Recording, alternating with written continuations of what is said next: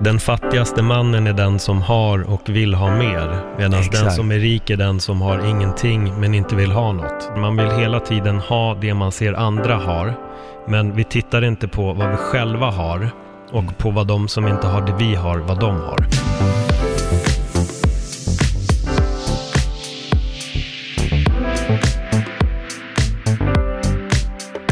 Välkomna tillbaka till ett nytt avsnitt av podden Smile. Mitt namn är Smile och idag har jag en kär gammal god vän som gäst som faktiskt har varit återkommande gäst på podden. Jag tror det här är kanske tredje gången han är här. Han är expertkommentator inom eh, MMA. Han har en egen podd som heter Öppet sinne och han är en eh, av världens största filosofer. Välkommen Paul Devay. Tack så mycket. Ett riktigt filosofiskt tack. Det är helt lugnt. Tack så mycket. Det är helt helt mjukt och bara, det stämmer. Men, men det, det är ju sant, du har varit här, eh, det är nu tredje gången. Det är tredje. Men det är bara för att det flyter på så bra när vi pratar. Mm. Nej men fan så är det ju. Alltså, det, var ju det, det, alltså, det lustiga var egentligen när du var med i min podd första gången, för då Ja, hade vi ju det. bara sprungit på varandra så tre, fyra gånger och kände knappt varandra. Men sen när man väl satte sig och snackade, så med, det klickade direkt. Exakt. var, var riktigt roligt. Och det är ju ett avsnitt också som många har hört av sig om. För att folk hade, vissa har haft en förutfattad bild av dig, men den ja men det ändrades. minns jag för att jag träffade ju dig på, eh, nere på MMA-galan. Mm. Eh, Vem var det som slogs? Var det Gustafsson som slogs? Nej, det, var var, den- Superior Challenge-galan. Exakt, Superior Challenge-galan och så var det någon polare som var där, en Mm. polare till dig, som eh, hade en helt annan bild av mig men sen efter han hade lyssnat avsnittet så Mm. fick han alltså en helt ny bild liksom. Och det var ändå intressant att höra. Mm. För att eh, jag tror det är en sån klassiker som eh, händer rätt många, men speciellt kanske folk som har, som jag, varit med i en dokusåpa. Ja, nej, men verkligen. Alltså, så, men så är det jag tror att vi är grymma på att, eh, alltså grymma i negativ bemärkelse, att göra det. Vi är så då, vi är dåliga, vi är riktigt, eh, kanske lite för duktiga på att göra så mot folk. Döma ut och ha en förutfattad mening tills man verkligen sätter sig och pratar med någon eller träffar någon på riktigt. Och jag har råkat ut för den där gången flera gånger i livet, att jag har haft en så här väldigt förutfattad bild om någon. Men jag lärde mig den läxan tidigt och sen har jag varit så här, okej shit, jag ska aldrig mer försöka döma någon. Jag ska verkligen göra mitt bästa på att inte göra det. Men, men hur känner du nu då? För nu har ju du gjort, du har gjort jättemycket sen Paradise Hotel. Så nu måste ju folk verkligen ha börjat få en helt annan bild av det, medan bara budskap som du förmedlar via din Instagram och allting, så måste ju folk... Jo men det har de, det har de verkligen och jag känner det också nu att nu har jag lite mer makten i mina händer att styra hur jag vill att bilden av mig ska se ut utåt. Mm. Eh, Medan tidigare så liksom så var jag ju med i Paradise Hotel då 2014 och, och, och sen blev det som det blev liksom. Jag kunde inte styra så mycket av den bilden. Visst, jag kunde ju styra men fortfarande media lägger ändå upp en bild av dig och sen är du med i ett program som är lite skandal och lite så här galet. Då blir du direkt satt i en kategori som är liksom så här, ja men du vet hur det är. Mm. PH-deltagare ska vara jävligt korkade och de ska vara eh, galna i huvudet och de ska vara allt det här. Och vi, vilket jag var då, Mm. kanske inte korkad men allt andra. Ehm, så jag har inget emot det, att folk dömer ut en. Jag tycker nästan det är nice när folk har en bild av en och sen kan man bara motbevisa det. Det tycker jag är jävligt häftigt. Ja, men verkligen. Men tror du, tror du att det finns någon människa som verkligen inte dömer någon? Alltså det är väl typ så målet man vill uppnå. Och jag, jag har tänkt lite på det här, för det går lite hand i hand med den boken du läser nu med Seneca och stoicismen, att, att inte göra sånt. Ja. Eh, och jag tror så här, det, när vi lyckas med det, då tror jag att vi har uppnått en, en, en så bra nivå. Men jag tror att det är svårt. Jag tror att det är en grej man alltså dagligen Men, men måste tror, jobba med. ja, men tror du inte också att det är lite bra att vi har lite av det i alla fall?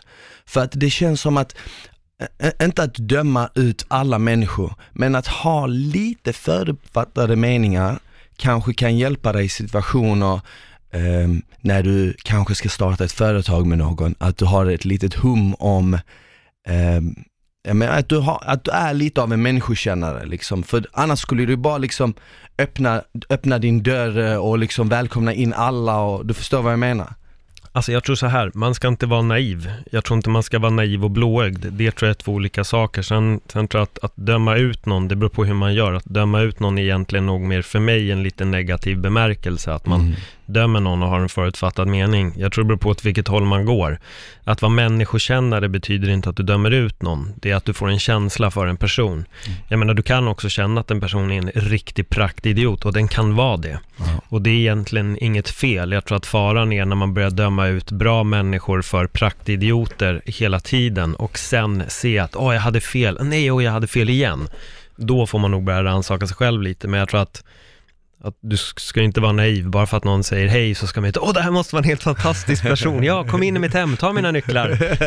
ja, men, ja men det var det jag menade, uh, jag tänkte liksom när man kommer, om man kommer till som du sa, den nivån man vill nå, där man inte mm. dömer någon, finns det en risk då att folk tar eh, utnyttjar det faktumet att mm. du inte dömer någon, så de tänker liksom, ja men den här personen har full tillit till mig så jag kan faktiskt komma undan med att göra saker som de tror jag aldrig hade gjort annars. Det var med mm. den tanken. Ja men det, är det, det, det det jag menar, jag tror, man får inte vara naiv. Nej, alltså jag tror att bara för att man inte dömer folk så får man inte bli naiv och tro att alla är skitbra, för då, då dömer du ju folk egentligen åt fel håll. Mm. Då tror du att alla är, är, bra. Jag vet att jag hängde ganska mycket med en Frank Aschberg, en polare, när vi var yngre. Och första gången jag var med honom så, jag tror det var sex 18 bast kanske, men jag hade träffat en, en tjej och då sa han så här, men du kan, du kan inte stanna hos mig, jag ska dra några timmar. Det här var första gången jag hade träffat honom. Och han lämnade mig hemma, hans föräldrars hem, liksom, han bara, nej men jag har bara en jävligt skön känsla av dig, så, så du kan vara kvar. Jag var så här, oh shit, vilket jävla förtroende. Aha. Men han hade också rätt, alltså vi, vi klickade liksom, vi, vi mm. var synkade och vi funkade. Jag hade nog varit väldigt mer försiktig med det han gjorde. Men det bevisade ju att han var en bra människokännare på att förstå att ja, men jag var en bra person och vi, vi stannade där en timme, han kom tillbaka och vi hade bara suttit i soffan liksom, det var inga konstigheter. Nej, exakt. Men, eh, men det är ju också vågat att, att ja. göra det och det är nog inte alla som, som heller vågar lita på den känslan. Nej, men jag tror också att när man gör så som han gör, när man visar folk att man har förtroende för dem, då vill de ge något tillbaka. Exakt. Och Exakt. då vill de liksom visa att, ja men jag skulle aldrig svika dig eller jag skulle aldrig sno något för dig. Jag skulle aldrig göra dig något ont för att mm. du har visat så mycket till mig, eller hur? Precis. precis. Det är lite den här ge och ta. Jo men, så, men, men, men jag tänker så här, fråga till dig då. Har du släppt in någon lite för mycket och sen ganska, alltså ganska tidigt nu släppt in någon och sen har du märkt, oh shit, jag har verkligen helt fel bild av den här personen det här är ju en person som inte är okej okay på något sätt, som liksom kanske mer försöker, kanske inte lura eller blåsa, men den vill inte ditt bästa. Uh, nej, jag har faktiskt inte varit med om det så tydligt, inte på, inte nu det senaste året, men för kanske en fyra år sedan, mm. så lånade jag ut pengar till en kille som jag hade en bra magkänsla om och då var jag också lite naivare än vad jag är idag. Man lär ju sig med tiden. Mm. Man måste ju få göra misstag. Ehm, eh, och då lånade jag ut pengar till den här killen som jag eh, aldrig fick tillbaka och än inte fått tillbaka idag. Kommer förmodligen inte få det för att um, han har, liksom, han, han, finns inte i landet längre så att säga. Nej. Så det eh, så där var jag lite blåögd och där var jag lite naiv men det var också en, en det var en dyr läxa då. Mm. Men idag är den billig för den har sparat in så mycket. Jag, du nämnde tidigare att jag läste uh, den här boken, Seneca. Seneca. Mm. Uh, jag har precis börjat läsa den. Um, den handlar om, för alla som inte vet vem Seneca är, det, det var en filosof som då bodde runt Kristus tid. Ja, romarriket där. I romarriket och var rådgivare till kejsaren Nero och så vidare och så vidare. Och uh, en filosof inom stoicismen. Mm. Och han sa nyligen i ett kapitel att um, det är ju säkrare för dig att inte lita på någon. Men det är heller inget liv du kanske vill leva i långa loppet. I princip, mm. i, kanske inte just de orden, men den lilla läxan där jag lånade ut pengar, inte fick tillbaka dem, den, den fick man känna att okej, okay, innan du lånar ut pengar, innan du tror på någon så måste du verkligen lära känna dem. Du kan inte bara gå på din magkänsla alltid. Nej. För den kan svika dig ibland liksom. Nej men verkligen, jag, jag hade också en sån där grej med en skitbra polare. Nu var det inga stora summor, men det blev också, han fick låna och så liksom, det kom tillbaka i små, små, små omgångar hela tiden. Och efter det så har jag bara gjort en, en pakt med mig själv att jag lånar inte ut pengar till polare. Alltså jag involverar mig inte pengar. Sen om någon vill låna en hundring, men det är okej liksom. Ja. Men när det börjar komma några tusenlappar, nej. Alltså jag, jag säger bara nej, du får vända dig till din familj. Eh, för att det är bara för att jag har ingen lust att pengar ska komma emellan mig och en vänskap. Ja, precis. Och, och det har funkat. Jag tror att folk har så respekterat det. Nu är det inte jättemånga som har frågat, men jag varit ganska tydlig att så här, nej, det, det går inte. Jag fick frågan här för något år sedan, polare, kan jag låna två fem av dig? Jag bara, nej. Ja. Han bara, jaha, inte? Jag bara, nej. Han Nej, bara, ah. Okej, ja men lugnt. Jag bara, nej men det är inget, jag har inget emot dig, det är bara att om något skit händer, då betyder det att vår vänskap har fuckats för två och fem och det tycker inte jag är värt. Han bara, nej men fan, du har rätt liksom, jag, det respekterar jag fullt ut.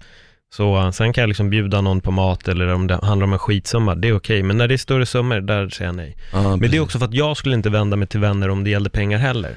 Jag Nej. går till min familj, alltså det, det är de som ska hjälpa mig. Jag, jag kan inte säga till en vän, du kan låna 10 000 av dig. Det skulle, kännas, alltså det skulle kännas jättekonstigt. Det skulle kännas konstigt och jag, idag förstår jag det så mycket tydligare, då, då fatt, tänkte jag inte på det, men om du är vän nummer 15 i ledet och Mm. du får den frågan, om kan jag låna 10, 20 eller 30, vad, vad det nu än handlar om liksom, eh, då blir det ju också lite suspekt. Ja, för det är också så här, okej men nummer ett så blir det ju kanske familjen som man först skulle vända sig till och sen närmsta efter familjen och sen om jag kommer på plats 20, då är det ju någonting som är jävligt suspekt. nej men exakt. Och sen är den stora frågan, varför skulle jag behöva låna 10 000 av någon? Varför behöver den här personen låna x tusen lappar av mig, som den påstår att de ska komma om några dagar bara?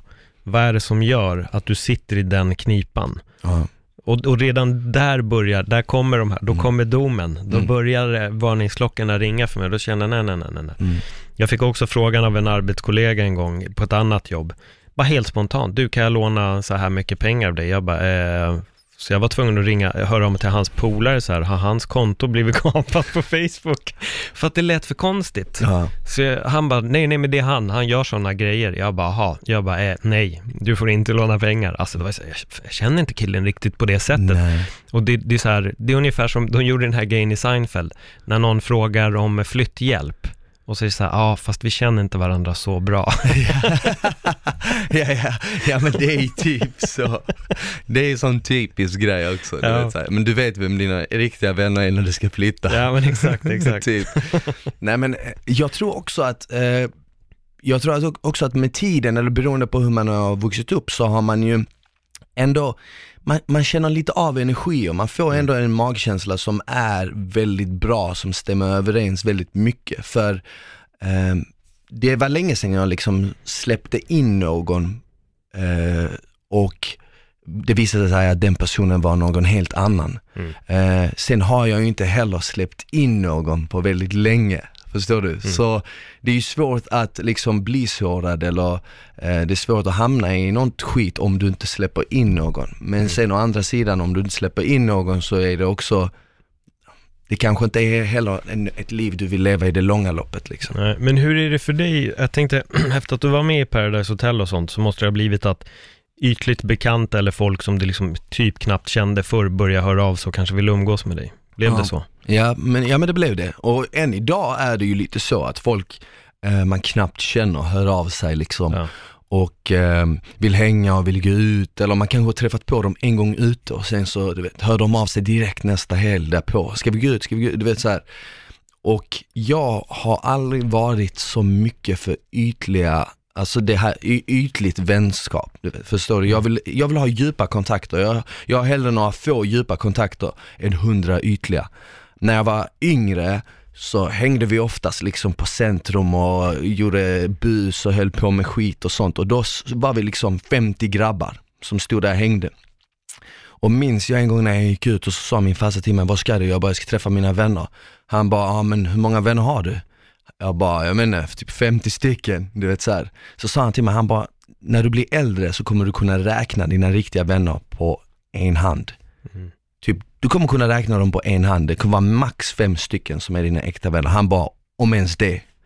Om ens det. Och så tänkte jag bara så här, jag bara, fan är det? Vadå fem, fyra, fem, tre stycken, du vet så här. jag bara det kan inte stämma. Men se, ju äldre man blir, desto mer förstår jag hur mycket sanning det låg i det. Du, vet. du kan inte ha 50 äkta, genuina vänner, det går inte. Det är omöjligt. Du kan inte ha de relationerna med, så, så intima relationer med 50 eller 100 pers.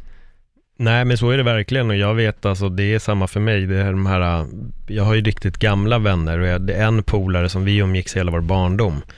Vi, det tråkiga där är att vi har inte så jävla bra kontakt, men det mm. roliga är ändå om det har gått tre år och vi ja. hörs så är det exakt som att vi sågs igår. Det finns ingenting konstigt i det och det på något sätt är också en sån jävla genuin vänskap. Ja. Att även om vi är ifrån varandra under några år, så så fort vi träffas igen så är det liksom som att det har inte gått en sekund alltså. Nej, precis. Men sen finns det ju de också som man inte har träffat på skitlänge och så säger man, du ska vi gå och ta en lunch? Och så bara absolut, och så sitter man där och så fem minuter in bara, ja fast vi ska ju inte luncha igen känner man. brukar det hända eller? Nej men det hände, det, det hände faktiskt med en, med en gammal vän. Ja. Eh, det gjorde det och vi satt och lunchade och jag kände bara att okej okay, shit, alltså fem minuter in, jag, var, jag kände mig ganska klar liksom. Mm. Alltså det var trevligt. Men jag kände inte som jag kände med mina andra polare Kribba, att liksom, fan vi måste luncha imorgon och imorgon och imorgon och dagen efter det och, och också liksom, utan Nej, jag kände ganska fort att shit, vi, mm. tiden har stått still där, det har den inte gjort för mig. Ja, um, men jag känner igen mig så mycket i det du säger för att jag märker speciellt nu de här två senaste åren har varit så, de har varit så, det har hänt så mycket för mig inte rent så här inte rent i om, alltså runt om mig liksom, mm. utan mer inom mig. Förstår du vad jag menar? Absolut, liksom? men det är, du är på din inre resan, det är därför jag, du läser böckerna också. Jag läser fett mycket, jag lyssnar bara på att, du vet, jag tror verkligen att eh, det, är inte, det handlar inte bara om vad du äter, liksom, vad du stoppar i din kropp. Eh, för att liksom, det, det, det, är nästan som så här, de säger, det, du blir vad du äter, det mm. stämmer. Men jag tror också att du blir vad du konsumerar.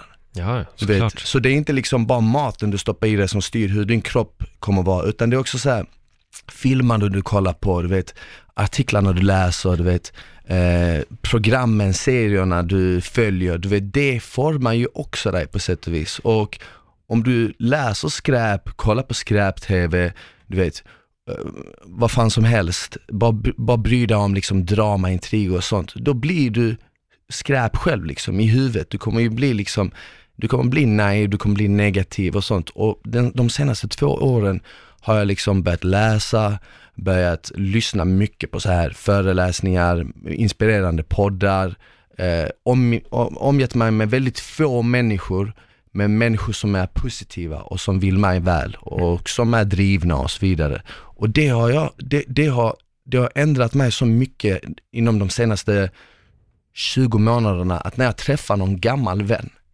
så blir det så svårt att liksom, det blir så svårt att connecta som vi connectade förr. Det går liksom inte, det känns som att, ja men fan, vi, vi, lev, vi, vi bor inte på samma sida av jordklotet längre. Nej, men tänk att allt det började efter att du hade varit med i min podd. Det var ju det, exakt. Det var Nej men det roliga var lite skämtsamt, jag sa ju det till dig att det kommer bli the Turban Life. Alltså du är ju, jag, kall, jag skrev ju filosofen också under jag avsnittet. Vet. Och... Jag, jag vet, jag minns det, jag gick in på um, din Instagram för inte så länge sedan bara för att scrolla ner till det avsnittet så såg jag där Uh, så såg jag faktiskt att du hade lagt ut en bild på mig och så hade du skrivit smile, filosof. Ja.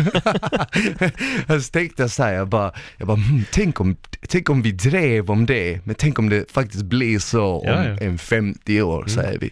Nej men jag märkte det direkt, det var det som var så kul, jag kände det typ så här, några få minuter in så märkte jag, men du, du är på resan. Alltså min resa började för typ en, alltså den har pågått ganska länge, men jag tror att jag gjorde den riktiga så här, uh, ivägskjutsen på min resa började kanske för fem sex år sedan. Okay. Um, och det är exakt det du säger nu, det är precis det jag också gjorde. Man började läsa, jag började lyssna på inspirerande grejer, jag började ta till mig filosoferna på nätet, jag, liksom, jag började söka den kunskapen, mm. vilket är sjukt spännande och, och det liksom, jag tror att det är först när man börjar göra de grejerna i sitt liv, det är då också själva resan börjar. Och man märker vilka som är på den inre resan och vilka som inte är det. Mm. Och det är därför när man går på en lunch med gamla vänner så märker man att fan, de står still. Och sen märker man vilka som, liksom, som gör något. Det finns en intressant grej med allt det här som du säger också. Har du talat om konceptet att hjärntvätta sig själv? Eh, nej. Nej, för det är tydligen någonting som vi gör, alltså som är väldigt, väldigt vanligt och det har att göra med att när du söker information så söker du en viss typ av information.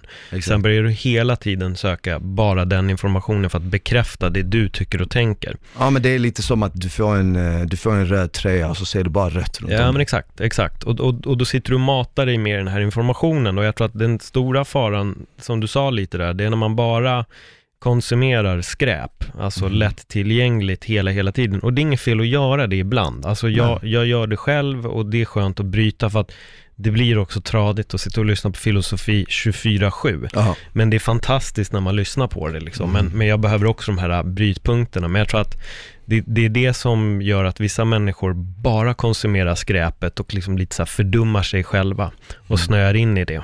Eller om de sitter och läser kanske högerextremt eller vad fan man nu vill, vilken politisk sfär den är. Det gäller att diversifiera och läsa olika av allt. Och det är precis det som både du och jag håller på med. Ja. Att vi tar till oss av olika kunskaper istället för bara en. Jag Mm. tror att den största faran är när vi snöar in på, på en sak och man skapar en gud eller en guru.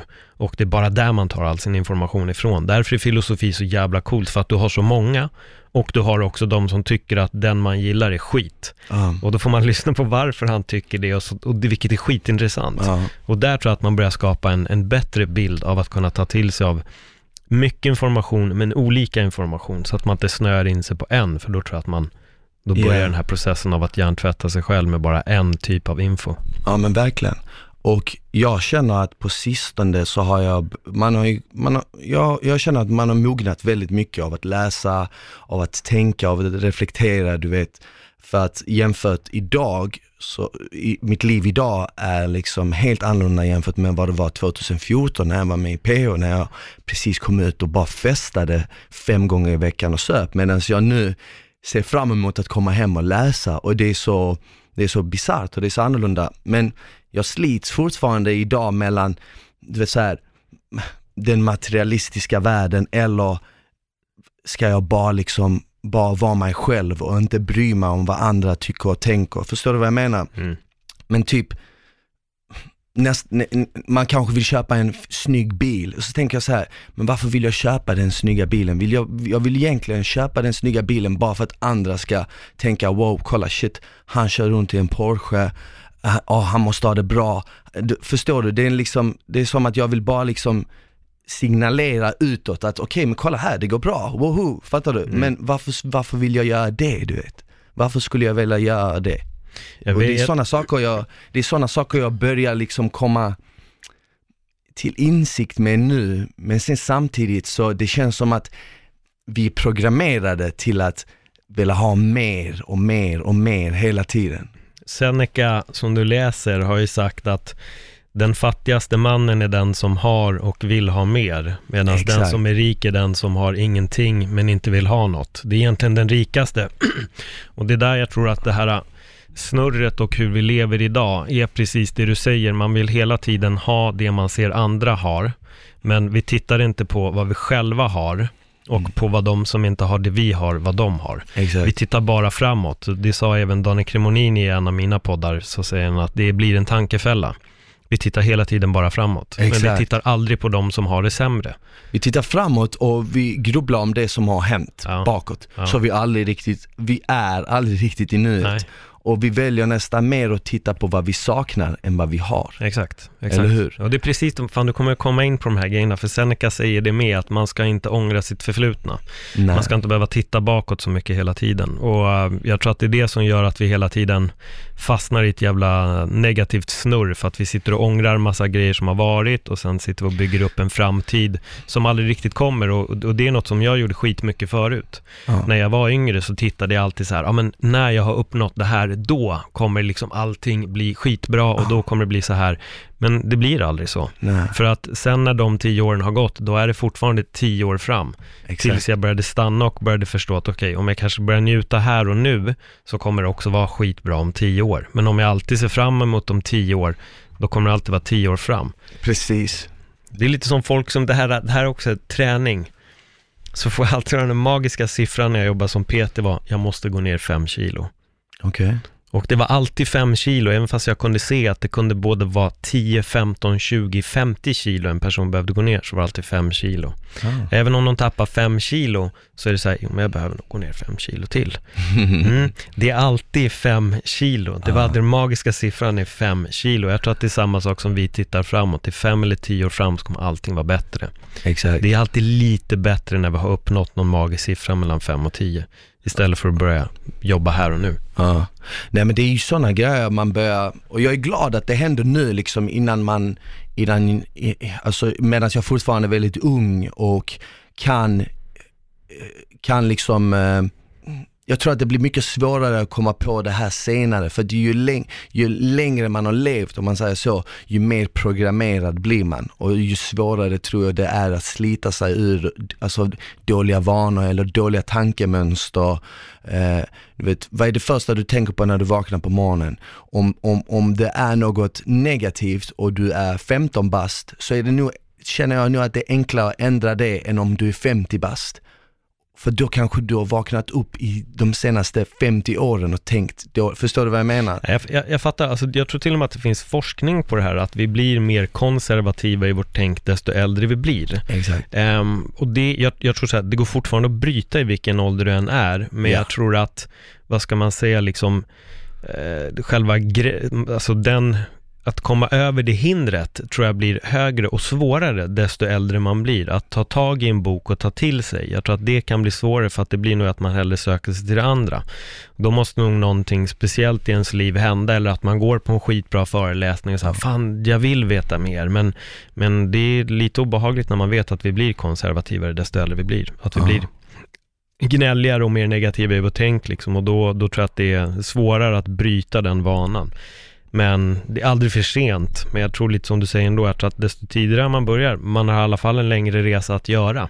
Alltså den, den kommer pågå längre, vilket är skitkul. Istället för att påbörja resan för sent, Ja, så kommer inte resan kunna bli lika lång. Precis. Nej men jag, jag tror att också att det känns nästan som att man gör, man gör sådana här resor hela tiden. Jag tror inte att man gör en resa i sitt liv, Nej, nej. utan jag tror att man Konstant. gör, exakt, konstant, eller att man gör, man gör ett flertal resor vid olika skeden i livet. Mm. Man gör ju en resa när man är runt men 15, sen gör man en annan när man kanske slutar gymnasiet, om man ska börja universitetet. Men du vet när man kommer ut i världen och man är 18, 19, man är, nu är man vuxen. Liksom. Mm. Du, är inte, du är inte ett barn längre. Och sen kanske man gör en resa igen när man är vid 27, 28, men här var jag är just nu. Och sen kanske man gör en resa vid 40 igen, förstår du? Så jag, jag tror att man gör de här olika resorna och alla kanske gör dem vid olika skeden i livet. Mm. Men jag tror att generellt sett så kanske snittet är ungefär samma tidpunkt för de flesta människor. Jo, men jag tror det lite, alltså för mig, jag fyllde ju, fan jag börjar bli gammal. 26. ja, precis, fyllde 26. Men, eh, nej men fan, jag upptäckte till exempel finans och aktier nyligen. Det är någonting, det har blivit en grej för mig bara sedan i maj i år, så har Okej. jag börjat med det. Så de senaste böckerna jag har plöjt har varit sjukt mycket om så finans, om aktier, att liksom lära mig hela den världen. Så det har blivit den nya resan för mig. Ja, Det är att komma in i den sfären och lära mig att förstå det.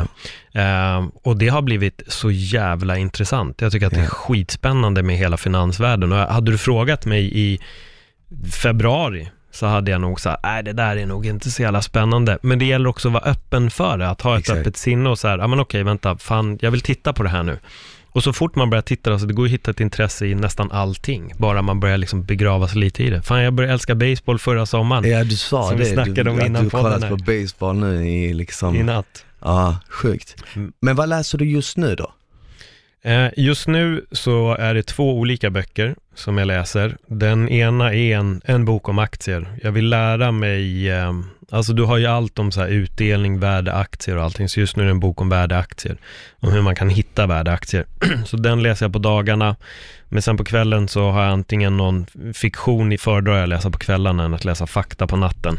Men just nu läser jag en bok som heter Kobane-syndromet Okej. som handlar om en kille som, eh, eller en man som heter Dorpek, Dr, Dorpek, nu säger jag säkert fel. Han kommer komma till min podd snart. Jag ska faktiskt ringa honom efter det här avsnittet, Mhm. för han vill, han ska gästa. Eh, han eh, åkte till, eh, till Syrien mitt under allt kaos så fick han bara ett extremt behov av att åka dit och hjälpa folk. För att han hade själv flytt från kriget när han var ung. I Eh, Syrien? Nej, han var... Jag ska inte säga fel nu, men jag har för mig att han lämnade Turkiet. Okej. Eh, Jag har för mig att det var det han hade gjort. Han hade lämnat Turkiet, han var tvungen att fly Turkiet för, för sitt liv liksom. Han kom till Sverige. Eh, han är vuxen, så han är väl 50 när det här, är upp, liksom, när det här kriget satte igång i Syrien för några år sedan. Så han lämnade liksom fru och barn, åkte dit. Han var tvungen att hjälpa folk. Han kände bara ett otroligt behov av att åka ner och hjälpa Ja. folk. Så han åkte ner mitt i bland alla strider för att Shit. hjälpa. Han är fysioterapeut. Åkte dit, så det är den boken jag håller på att läsa nu. Och han kom ju uppenbarligen hem eftersom att boken är skriven och han ska Ja. gästa min podd. Men eh, den är skitspännande. Ah. Och det är så jävla... Alltså det är obehagligt när man läser det som han har varit med om också. Eh, just med det där krigsdrabbat. Men att han bara stack ner. Det är, så här, det, det, det är inte jätte... Jag tror att många känner en hjälplöshet och att man vill göra något.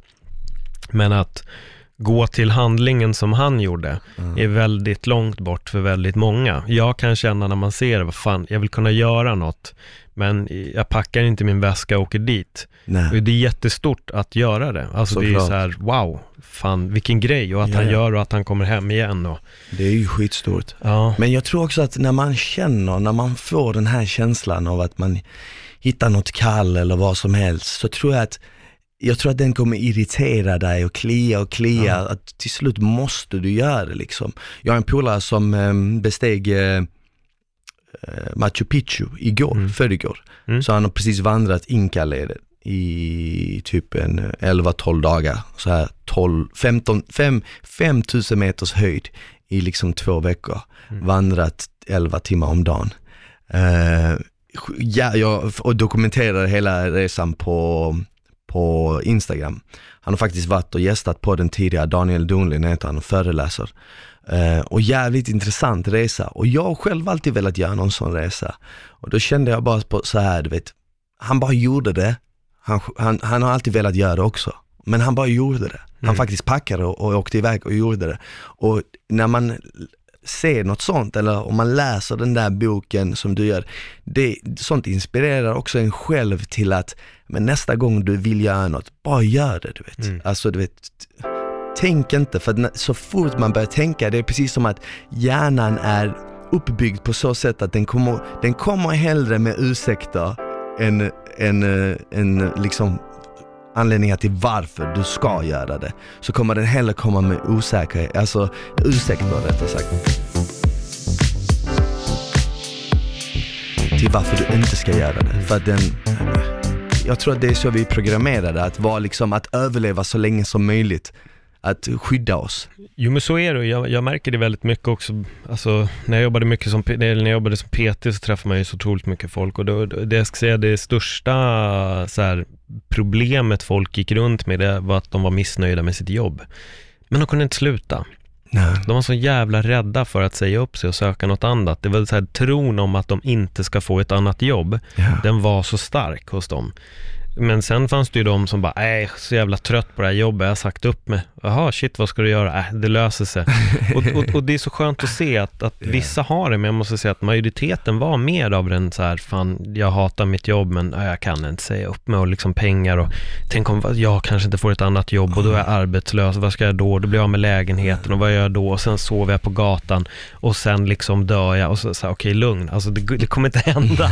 Men folk bygger upp extrema scenarios. Så jag, jag, jag har nog varit lite mer åt det här hållet att, äh, men jag skiter i det här och så löser det sig. Ja. ja, ja, folk bygger upp. Det känns nästan som att en del människor är nästan så jävla bra på att bygga upp scenarios Mm. där det kommer gå åt helvete att man tänker så här, mamma wow, du är fortfarande anställd. Ja.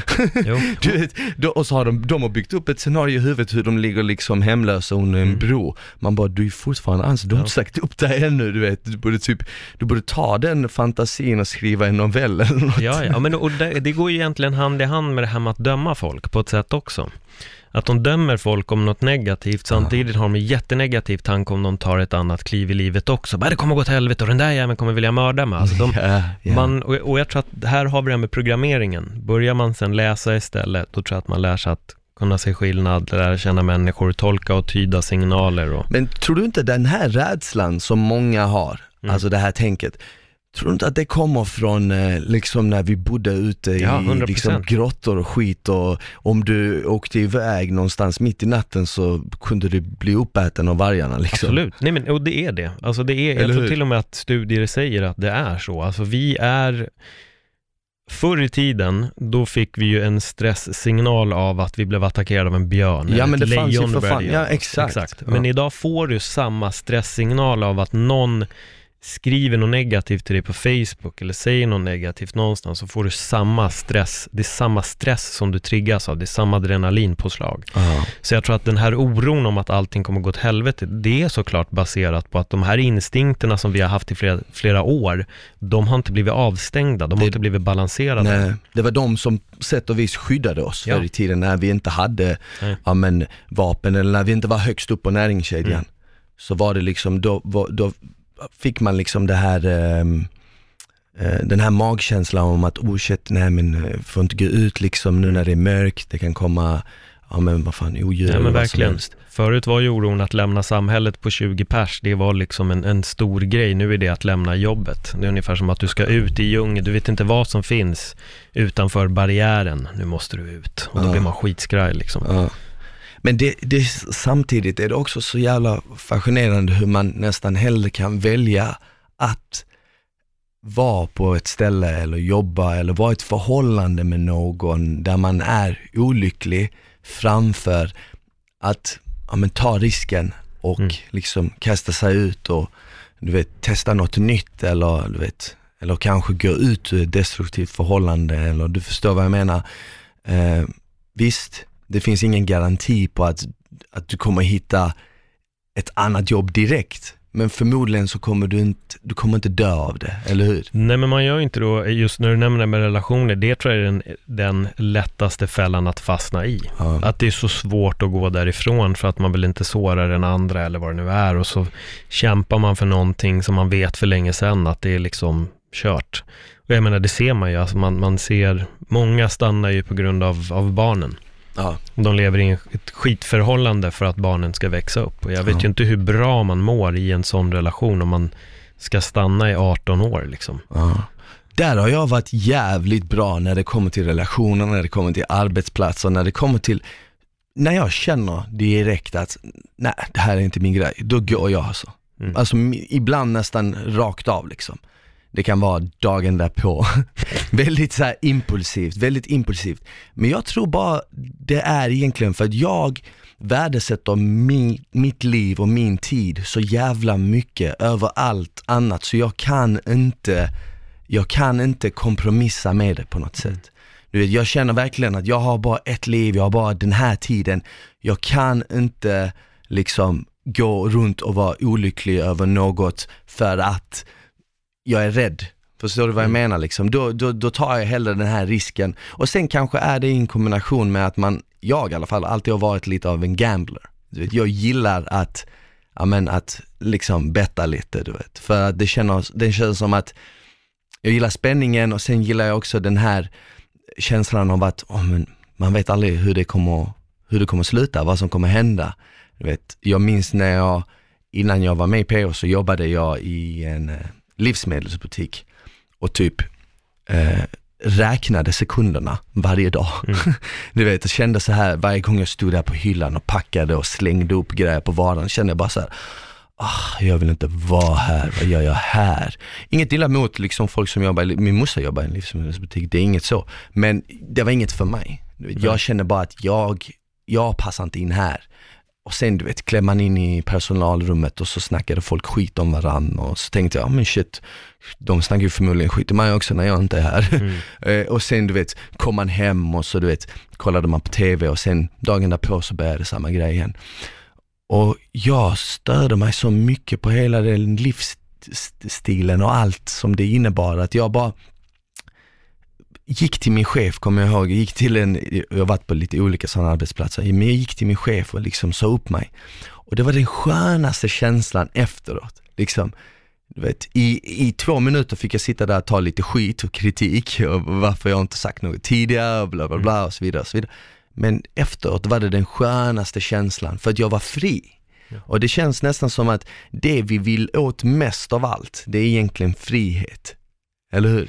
Jo, men det där, där är så jävla intressant när du säger det, för det är, folk menar ju att de är fri, det här, jag hade en podd för länge sedan som heter Paul och Tobbe som jag gjorde med en eh, komikerpolare. Vi pratade ganska ofta om det här med vad är och vara fri egentligen. Um, och den stora frågan är, hur fri är du om du går till ett jobb som du inte vill jobba på? Hur mycket frihet besitter du egentligen? Jag har en teori om att ibland så väljer vi att gå in i fängelse själva. Att vi går till det här grejen som får oss att må dåligt. Jag menar, alltså, lite som du säger, det är inget fel på yrken, men om du inte gillar det du gör, då ska du inte vara där. Sen om man är superpassionerad för att stå och jobba i en butik, vad det än är, stå och hämta sopor eller jobba som programledare eller sjunga, alltså välj vad du vill. Om du njuter av det, gör det. Ja. Om du inte mår bra av det, då skulle jag nog säga att då går man aktivt in och fängslar sig själv. Om du känner att måndag är en pina, och varje fredag när du har slutat jobba är den bästa stunden i ditt liv, ja men då lever du ju teoretiskt sett för två och en halv Ja. dag i veckan. Det är sinnessjukt. det är helt galet. Och så ser du fram emot semester som då må vara de här fem veckorna eller vad det är. Ja. Men tänk istället om du kan hamna på ett ställe som gör att du tycker måndagen är skitkul, att varje dag är bra. Då är du fri. Ja. Men annars, då får du ju verkligen se över din liksom verklighet och då funkar det inte med det här, ah, jag vet inte om jag kan byta jobb eller vad det nu och, och vad ska hända då? Men du måste ju vara glad när du går till jobbet, för jag jobbade med flytt under en period i mitt liv och då började jag gnälla skitmycket på slutet. Och då Jag jobbade också med flytt, Mm. på en flyttfirma. Ja, Jag med, jag har gjort det. ja, äh, shit alltså. Och det värsta är, vet, jag hatar verkligen flytt och har Ja. alltid gjort. Ja. Så mitt ex sa till mig då, hon bara, alltså, att du jobbar med flytt, det trodde jag aldrig någonsin skulle hända. Men jag behövde pengar och jag tog jobbet. Och jag höll väl på med det kanske ett, ett och ett halvt år. Men på slutet började jag gnälla skitmycket och då säger en av snubbarna på jobbet, de bara, Paul, alltså du gnäller så jävla mycket på det här jobbet. Ska du inte sluta? Och då vet jag bara, fan du har rätt. Ja. Jag bara, du har fan rätt. Jag bara, det är Ja. klart jag inte ska vara här. Jag, jag tycker inte att det är kul längre. Det var kul liksom, men, men nu, det har bara, nu är jag fången. Mm. Så när han sa det, det var så skönt när han sa det, så jag bara, "Ah, fan du har rätt. Nej. Jag slutade veckan efter. Ja. Jag sa upp mig, jag Och gick därifrån Hur skönt direkt. var inte det? Det var så jävla skönt. Och, och, och det, det är som du säger, det har inte med själva yrket att göra. Nej. Alltså, du kan jobba i en livsmedelsbutik och tycka att det är världens bästa grej. Gör det. Jag menar, det finns, det finns hur många kändisar som helst. Skådespelare, eh, artister, som yrken som 99% av alla andra människor bara ser upp till och önskar att de var. Hur många av de människorna har inte tagit livet av sig? Nej, många. Så det är inget recept på Nej, nej, lycka, nej. det är ingen garanti att, oh shit, de kanske också känner sig lika fångade i rampljuset, i det här livet av att hela tiden bara vara bevakade, hela tiden skriva om dem i tidningar. Det är förmodligen inte heller hälsosamt och det krävs ett visst psyke för att klara av det. Mm. Det är därför det, det är så många liksom, från liksom Kurt Cobain till eh, heter han, Robin Williams till liksom Heath Ledger, alla som liksom tagit livet av sig för, och haft alla pengar och all framgång som, som sagt, 95% av alla andra i samhället tittar på och ser och tänker wow, jag önskar det var jag. Så som du säger, jag tror bara det handlar om att bara skräddarsy sitt eget liv så att det passar dig själv. Och där känner jag, jag tror du också, att vi båda kanske är inne på den resan där man håller på att göra det. Jag vet att jag gör det i alla fall, jag testar mig fram, du vet. Lite som när man går på restaurang, så jag, jag gillar att beställa tapas, för då får man testa lite olika rätter. lite så ser jag på livet, att jag, jag vill gärna testa lite olika grejer, du vet. Jag vill testa det här med podd, jag vill testa eh, liksom eh, programleda, jag vill testa du vet, blogga, jag vill testa YouTube. Du vet. Och sen vissa grejer kommer jag älska, vissa grejer kommer jag inte tycka om lika mycket, men det kommer ta mig ett steg närmare till den personen jag en dag kommer bli. Och jag vet att jag är på rätt väg så länge jag varje dag gör något jag tycker är nice. Jo men så är det, jag menar fan för mig att liksom nå dit, att få den här njutningen varje dag i veckan, det kom först 2016 när jag kunde börja kommentera MMA liksom lite mer på heltid. Ja. Så det har varit många jobb som jag liksom har gjort för att jag har varit tvungen att göra dem. Jag har nog också haft ett tydligt mål om var jag vill hamna någonstans. Och jag tror att kan man i alla fall sätta upp ett mål om var man vill, då är man på rätt väg. Liksom. Men sen om man bara liksom har ingen, inget mål eller ingen vision, Nej. då måste du hitta lyckan på något annat sätt. Verkligen. Så att Men du kan motivera dig att gå till jobbet. precis, jag tror att det är som du säger där, att ha en vision av hur du vill att ditt liv ska se ut om 10-20 år är otroligt viktigt. Mm. För jag ser det lite som att har du ingen vision eller har du ingen har du ingen, inget mål eller en bild av liksom var du vill hamna eller hur du vill att ditt liv ska se ut, så är det precis som att du kommer, risken att du kommer hamna på ett ställe var du inte vill hamna är väldigt stor. Vet, tänk dig själv liksom om, om, om, om man skulle ha ett skepp ute till sjöss utan en kapten och det bara skulle få liksom ligga där ute. Det kommer ju inte liksom, det kommer bara drifta omkring. Jag tror det är samma sak för oss människor att vi, om vi inte har en tydlig bild av vad vi vill att framtiden ska, hur vi vill att framtiden ska se ut så kommer vi liksom, vi, kom, vi kommer settle for less liksom. Vi kommer ta, vi kommer börja på ett jobb vi kanske hatar bara för att lönen är lite bättre. Vi kommer gå in i ett förhållande bara för att vi känner oss ensamma för stunden. Förstår du? Ja, vi, vi kommer ju göra, vi kommer börja kompromissa eh, på vår lycka, Mm. tror jag. Sen ska man vara redo på att det finns mycket kurvbollar som kommer komma längs Ja. med vägen. Men fan, hittar man något nytt, ta det. Alltså min, Ja. min vision i många år var att bli skådespelare, men många andra dörrar öppnades. Så Det är så. Det gäller bara att fan våga följa med den strömmen också. Men jag tror att det är bättre att hoppa ner i forsen och åka med den än Mm. att liksom bara stå still och se en fors åka förbi. Det- eh, på tal om det med skådis, det är en sak jag ska ta tag i nu igen. Mm. Jag gjorde ju Lingonligan, kommer du ihåg när jag gästade Mm. din podd, då gick ju Lingonligan, det var förra året, då gick den på TV.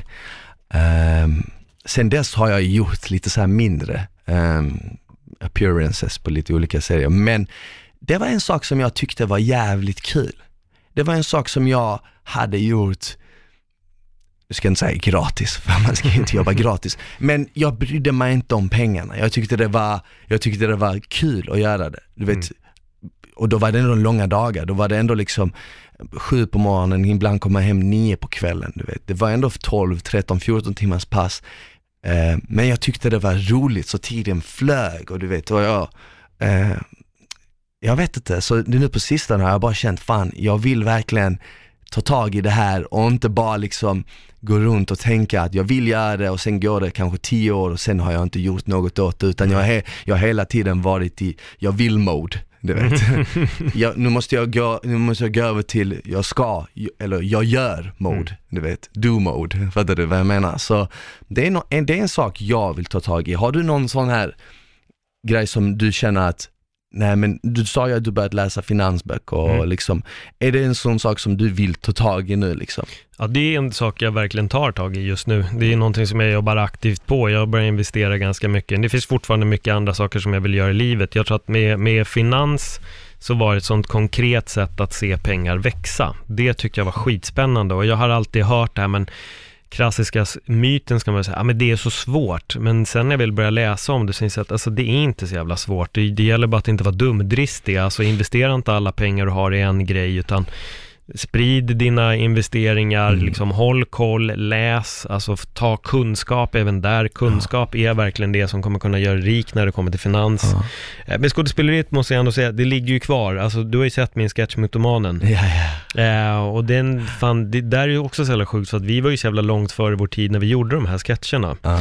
Eh, och det finns, alltså jag har ett så här, det är en grej som till och från börjar rycka mig i ryggen att så här, Paul, du bör ta tag i det här med lättvikt det, känns som man, man, det känns som man ska lyssna på de här Ja, ryckningarna. absolut, absolut. Nej men så är det och den, det, det finns kvar. Och jag skriver ju till och från, jag har ju skrivit lite böcker och gjort massa, massa sketcher och allt möjligt. Så, Mm. så det är där. Men nu ligger lite extra fokus på finans, sen, eh, sen får vi se. Men det, det som kan vara lite jobbigt ibland tror jag, jag, jag har märkt att när jag har jobbat mycket med sketcher eller hållit på med sånt, då, är, då har jag varit så otroligt beroende av andra människor också.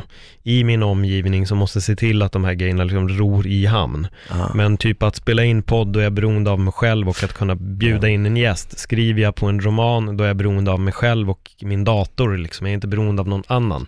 Och det har varit en ganska, det har gett frihet i sig. Att känna att jag styr och jag kontrollerar. Mm. Medan de andra bitarna att göra film, det är liksom det är sjukt många som är, Ja, du ska få ett godkännande, någon ska Ja. kunna investera, många, många faktorer som är Ja. inne. Det är därför jag, det är därför jag tycker det är nice när man eh, lägger upp sitt liv på så sätt att du, att du gör både och. Mm. Att du gör saker som är eget och att du gör saker där du samarbetar med andra. För där känner, du, där känner jag att jag får det bästa av båda världar. Mm. Ehm, till exempel, jag driver eget företag med coaching, jag sitter och liksom håller på, eh, skriver liksom, eh, skriver eh, bloggarna, gör podden, allt det här själv. Och sen när jag jobbar som programledare, då är man ett team liksom. Mm. Då har man liksom 20, 30, 50 pers runt om sig. Eller när man spelar in, som när vi gjorde Lingonligan, då var man 100 pers, 150 liksom. Och då, då är man ett team, du vet. Och det, jag, jag tycker att jag funkar bäst när jag får ta del av båda världarna. Du vet, när jag får jobba med mig själv, på mig själv och vara mitt mission liksom. Mm. Och sen när jag får jobba på ett gemensamt mission med andra människor, du vet. Det känns som att då, då, då, då, då funkar jag bäst liksom. Mm. Än att bara göra det ena eller det andra. Det var inte riktigt, inget av det var riktigt min grej helt och hållet. Nej. Nej, men det där är du och jag lika. Vi gillar att ha många bollar i luften och, och göra mycket Mm. Liksom, olika grejer. Jag tror att för mig bara tidigt så lärde jag mig att det var en period i livet då jag hade på tok för många bollar i luften Ja. också. Det kan också bli ett jävla problem. Det hade jag också. Då, då blir det inte Ja. helhjärtat i, i Nej. något av det. Då började jag så skära bort, då började fokusera på bara liksom en eller två saker. Och det, det säger han eh, i den här boken jag läser nu, Seneca. Det Mm. säger en, eh, typ en, eh, en person som är överallt är ingenstans. Nej, nej, men det stämmer. Och det stämmer så jävla mycket för jag märkte själv i mitt liv, ja men typ precis innan jag i, klev in i den här resan, om vi ska kalla det en resa som du sa, eh, om den började liksom, om den här resan då började i slutet på 2017, ja men ungefär två år sedan, början på 2018, där vid nyårsskiftet, om den började där omkring så året innan, 2016, 2017, då, då höll jag på med så mycket och mycket saker som inte var hand i hand, vet så här. Jag höll på med fitness samtidigt som jag höll på med nattklubbar. Du vet, Mm. så här, det, det funkar inte riktigt. Och sen med kläder och sen med detta och sen med det här och sen något tv-program och sen det. Och du vet, och då kände jag bara så här, men okej men om, om, om jag liksom, eh, om jag har ett glas med vatten och jag tio glas framför mig och jag häller lite i varje glas, då kommer inget av de glaset ha mycket vatten i sig, eller hur? Nej. Men om jag bara tar den koppen istället och häller i ett- ett glas, eller i två glas, då är åtminstone två glas halvfulla. Eller ett glas helt fullt. Och, och jag kommer kunna lägga ner mer energi och jag kommer kunna lägga ner mer tid. Och sen upptäckte jag också att livet är långt. Du behöver inte göra allt på en och samma gång. Du kan, du kan, jag kan hålla på med fitness det närmsta årtiondet Mm. och fortfarande vara ung och börja hålla på med, jag vet inte, med böcker eller med skådespeleri i tio år och sen något annat i tio år. Jag menar, vi, om vi ska leva till förhoppningsvis bli 80 år gamla, du vet, så då har vi ju hur mycket tid som helst, men vi vill ju så gärna ha allting här och nu, nu, nu. Du vet. Jo, men det är där man måste sätta upp eh, målen och förstå att det tar, det tar tid. Man måste Ja. våga tänka på sikt. Jag tänker bara på en så rolig grej när du nämner allt det här med att göra olika saker. En sak som har slagit mig väldigt mycket när man tittar på sociala medievärlden är att det finns otroligt mycket entreprenörer, men det är väldigt få av dem som överhuvudtaget tjänar pengar. Ja, Men alla är self-made och alla är liksom entreprenörer, men det känns mer som att de bara målar upp, eller de målar upp Ja. en bild av någonting som inte finns. Ja men det går ju, kommer ju tillbaka till det här som jag sa, varför ska jag köpa en snygg bil bara för att jag kan köpa Mm. en snygg bil? För att jag vill signalera något utåt. Jag lyssnade på en eh, eh, podcast, Tim Ferris, du vet Mm. vem det är. Han hade en gäst som heter Naval. Han har varit på mm, Joe Rogan också, Naval. Jag vet inte om du har hört talas om han, men, Men, men han, du rekommenderade hans podd tror jag va? Ja, till mig, ja. exakt. Han är en Investor eh, och han var på den här eh, podden, Tim Ferris. Eh, kolla upp Naval om ni, om ni vill liksom eh, lyssna på någon som är sjukt logisk. Sjukt, sjukt logisk och det är inte så konstigt, han är, kommer ju från affärsvärlden, han kommer ju liksom, han är Investor, det är en, liksom en bransch där du måste vara väldigt logisk, du måste lägga dina känslor åt sidan och du vet, vara klar i huvudet och inte agera efter hur du känner. Och han säger det att varför, till exempel om vi tar en Rolex-klocka som exempel. Om alla hade kunnat köpa en Rolex-klocka så hade ingen velat ha en Rolex-klocka, eller hur? Om alla hade kunnat köpa en Ferrari så hade ingen velat ha, ingen velat ha en Ferrari till exempel. För att många saker vi gör är egentligen signaler, vi signalerar utåt, typ hej, kolla på mig och sen ger det oss en viss ställning i samhället. Det, är det, det ger oss en viss position i samhället som vi vill ha, som vi tror är väldigt nice och det är det kanske i många människors ögon. Men i slutet på dagen kommer det ge dig någon lycka? Förmodligen inte, för att så fort du har köpt en eh, grym, snabb bil så kommer du komma in i den och för dig kommer det bara bli en bil. Mm. Eller så fort du har köpt ett jävligt nice hus så kommer du komma in i det och för dig kommer det bara bli ett hus. Så jag tror att man måste man, man, det är inte fel att göra de här sakerna, men jag tror att det är fel att göra det för att plisa andra och inte sig själv liksom. Men så är det, det finns en svensk Investor som heter Arne Talving som kallas för Kavastu. Han... Eh, Kavastu? Ja, det är hans smeknamn. Jag okay. tror att han har... Um, Finländsk blod? Ja, men det är nog så att han har något landställe på Estland. Okay. Um, men han har då skrivit en bok tillsammans med en annan snubbe där han pratar om hur han har tjänat sina pengar. Liksom. Och då har folk kritiserat honom och tror inte att det stämmer, de tror att han ljuger. Eh, och då har väl lite frågan varit att varför har du inte en schysstare bil än den du har?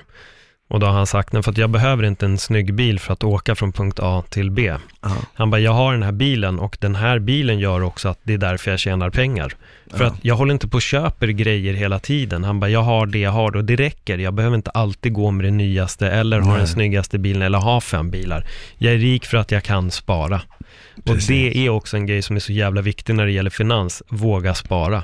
Ja. Att det är det du går ut på, att liksom lägga undan pengar istället för att bränna. Ja, alltså som när man ser Lyxfällan, vissa av de här äh, social media influencers som eh, sitter där och bara åh, sitter och firar och sen liksom sitter de och gör det för sms-lån. Ah. Alltså det är ett skämt. och så vill folk då, åh jag kan inte, som vi snackade om den här snubben Sunny som var med yeah. i säsongen där du inte var med, så yeah. mellansäsongen tror jag. Yeah.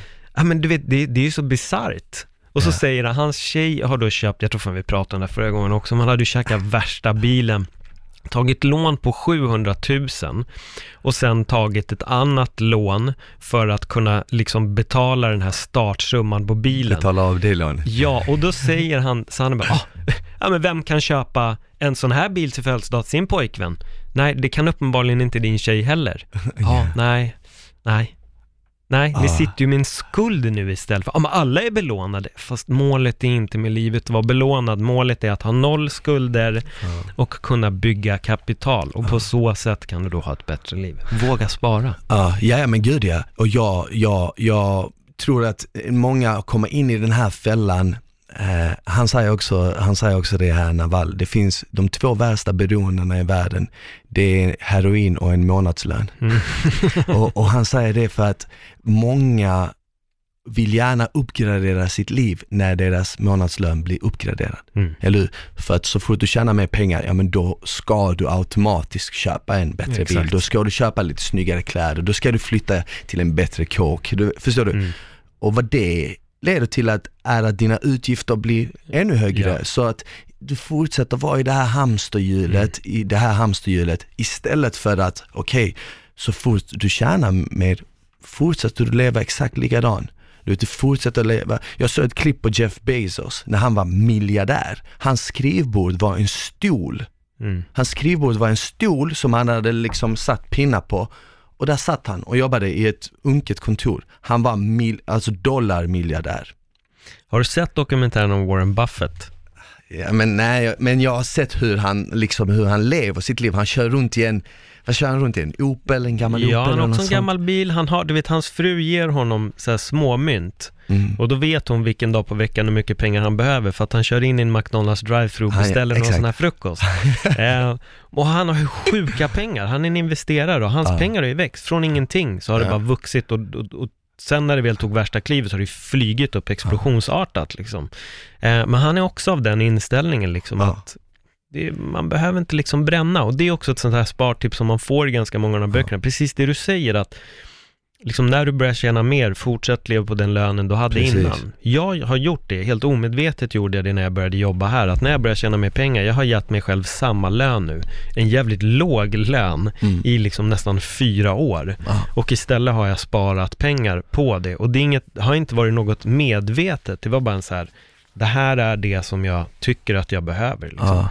Jag vet att mitt ex sa det, hon har aldrig varit med om en person som liksom inte köper grejer. Jag bara, äh, pff, jag har inget Ja. behov alltså, jag Nej. behöver inte Men- köpa. Min, min grej blev att jag började med Rubiks kub, började Ja. köpa mycket kuber. Jag vet inte, har sett min Insta senaste tre Ja. dagarna, jag bygger djungel. Ja. Jag Ja men att så är köpa jag också. Jag, jag, jag har också varit sån, innan köpte jag mycket kläder, nu är det så här, jag har inte uppgraderat min garderob på ett tag, varför skulle jag? Jag menar, jag behöver inte. Och jag tror också att det har mycket med mindset att göra, mycket kanske var man kommer ifrån. Jag, jag, kommer, jag kommer från en bakgrund där vi kom till Sverige med inte mycket pengar.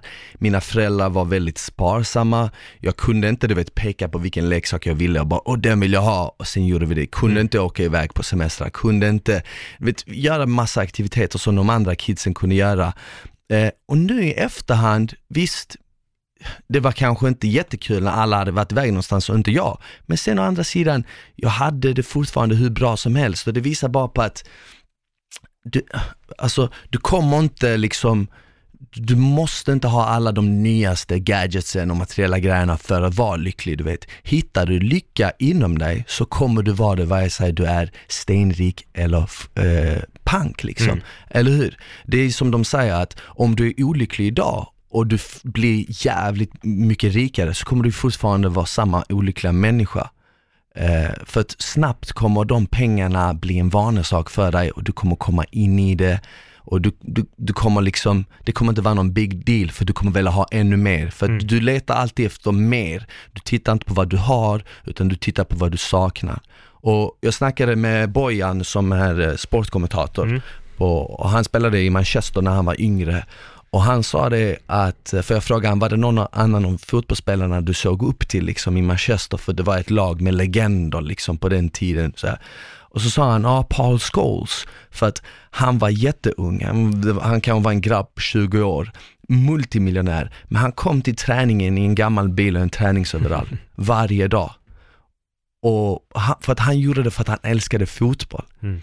Vet, alla de andra kom, du vet, kom fram i Ferraris och du vet värsta, du vet show-off och sånt. Men han kom liksom i en träningsoverall, eh, någon gammal bil och bara så här, du vet, spela fotboll. Ska vi spela? Du vet, det var det. Och jag tror det är samma sak där med, som vi snackar om Warren Buffett och Mm. Jeff, Be- Jeff Bezos och sånt. Jag tror det känns som att de lyckligaste människorna är de som gör saker de verkligen älskar och inte för, ingenting för pengar för att de vet att pengarna är något som kommer med att de är bäst på det de älskar att göra, Mm. eller hur? Men de har inte fallit för, liksom, vad ska man säga, det här illusionsskapande. Att bara för att du tjänar mycket pengar så måste du ha vissa kläder eller gå runt och flasha med bling och grejer. Men, kolla bara till exempel i USA, du har megastjärnor som är bankrutt. Ja. Alltså de har bränt alla sina pengar och då har de tjänat liksom mer än vad Det majoriteten av oss gör på en livstid. Nej men det är sjukt. Det, jag, jag, såg en, jag såg en intervju med T-Pain, eh, du vet vem T-Pain är? Ja. Han, är rapparen. han, han, blev, han gick bankrupt, nu är han tillbaka på fötterna igen. Han gick bankrupt och han hade, vet du hur mycket han hade tjänat in när han var på sin peak? 400 miljoner kronor. Så han hade 400 miljoner kronor på kontot och han gick bankrupt. Och då kan man fråga sig själv, hur går det till? Ja. Du vet, hur är det möjligt? Du vet, förstår du? Men, men det har att göra med att Ja men när han tjänade så mycket, då räckte det inte med en Ferrari, då skulle han ha en Bugatti. Du vet, det räckte inte med en 10 miljoner, en 100 miljoners eh, kronor villa, utan det skulle vara någonting som var 300 miljoner kronor, förstår du? Jo men det är ju bisarrt, man märker det blir så kukmätartävling när det var MTV Ja. Cribs. Ja just Det här huset och det här, ja det här och Ja, det, det här är mina ja. 42 bilar liksom och så sa också shit alltså, men du vet var finns pengarna? Men sen fattar man ju att det, pengarna finns uppenbarligen inte. Nej. De köper och köper och köper och blir big spenders, precis det vi var inne på, att när lönen höjs då börjar man bränna mer. Ja. Men har du sett Ballers, eh, serien med The Rock? Nej, Där är han, han är fotboll, han är manager inom, Okej. inom sport och där är det lite så att vissa av de här atleterna som börjar tjäna mycket pengar har också ett så galet stort entourage. är det reality eller är det... Nej, det är en, det är en, det är en serie liksom. Okej. Eh, ja, precis, det är fiktivt eh, humor. Men där märker man att många av dem sitter också och pröjsar bara vännerna ska ha lön för att vara med dem och göra någonting liksom som egentligen inte är något speciellt. Och vissa som har ett entourage på 30 pers sitter och betalar otroliga löner till folk för att bara finnas med. Shit. Och det, och det försöker han stoppa då i ett av de här avsnitten. Du kan inte prö- pröjsa alla de här människorna, du kommer bränna alla dina pengar. Ja. Men jag tror att det är lite sånt som händer där med, att helt plötsligt har du bara liksom 40 pers med dig varje dag som, som säger att de vill ditt bästa, men det de gör också att de bara, de lever bara ditt liv genom dig. ja, precis. Så, och Precis. då är det klart, då kan Och du bränna är- 400 miljoner dollar. Ja, och sen när pengarna försvinner så försvinner alla de också. Exakt. För det är Exakt. liksom typ lite som blodiglar. Jag tror fan lite det var det som hände med Whitney Houston också. Det har hänt med många, jag vet att det Ja. hände med eh, Mike Tyson, han, Ja. där han har berättat i många intervjuer där han liksom eh, i sin peak när han gjorde liksom med 100, 200, 300 miljoner på en fight Mm. så kom han in i en klubb och gav bort mm, bilar. Han köpte Mercedes och BMWs till tjejer, till alla, till, kill, till sina vänner du vet. Han sa det i någon att han köpte tre Rolls Royce till sina polare och sen när han blev bankrupt så hörde han en, en, aldrig någon, någonsin från dem igen liksom. Och och då kan man liksom förstå liksom, alltså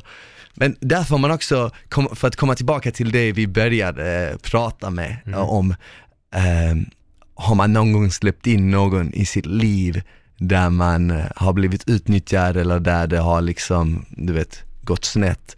Det är också ett tecken på att vad, vad, vad förväntar man sig att folk ska tycka om en om du köper en snygg bil till dem och du känner inte ens dem? Alltså Nej, förstår du? Det är lite får man skylla sig själv i vissa situationer liksom. Ja, men det är ju som när du köpte ett privatjet till Haidar Juma liksom. Och Exakt. sen, sen flög han iväg och kom aldrig tillbaka. Exakt, och nu bor han på Mars typ. Åh fan. Ja, vi, har, vi har alltid jävligt bra surr. Vi har alltid jävligt bra snack. Ja men Eller- verkligen, det är alltid kul att snacka och jag märker det, det är inte som att vi håller oss till ett ämne. Nej, vi snackar, om, vi snackar alltid om allt möjligt. Men eh, fan vad nice Paul, du har ju en egen podd, Ja, öppet sinne. öppet sinne. Gå in och checka in eh, Pauls podd, du har haft hur många avsnitt som helst nu. Ja, jag släppte väl 83, 82 eller 83 nu. Förra, ja nu vet jag inte när det här avsnittet släpps, men jag hade en superintressant gäst. Jag hade Kaj Linna. Eh, som satt eh, fängslad i 13 år oskyldigt dömd. Jag såg det. ut. Det var jävligt spännande att, att ha med honom i podden och sitta och snacka. Så det tycker jag definitivt att ni kan lyssna in. Det är en podd som, eh, ja, det går ut på ett öppet sinne. Alla ämnen tas upp. Så även Smile är med där. Så det är Fan. bara att Ja, absolut. och lyssna. ni hittar mig under rubriken Filosofen. Exakt. Okej, tack så fan för att ni lyssnar. Vi hörs och ses i nästa avsnitt. Ha det bäst.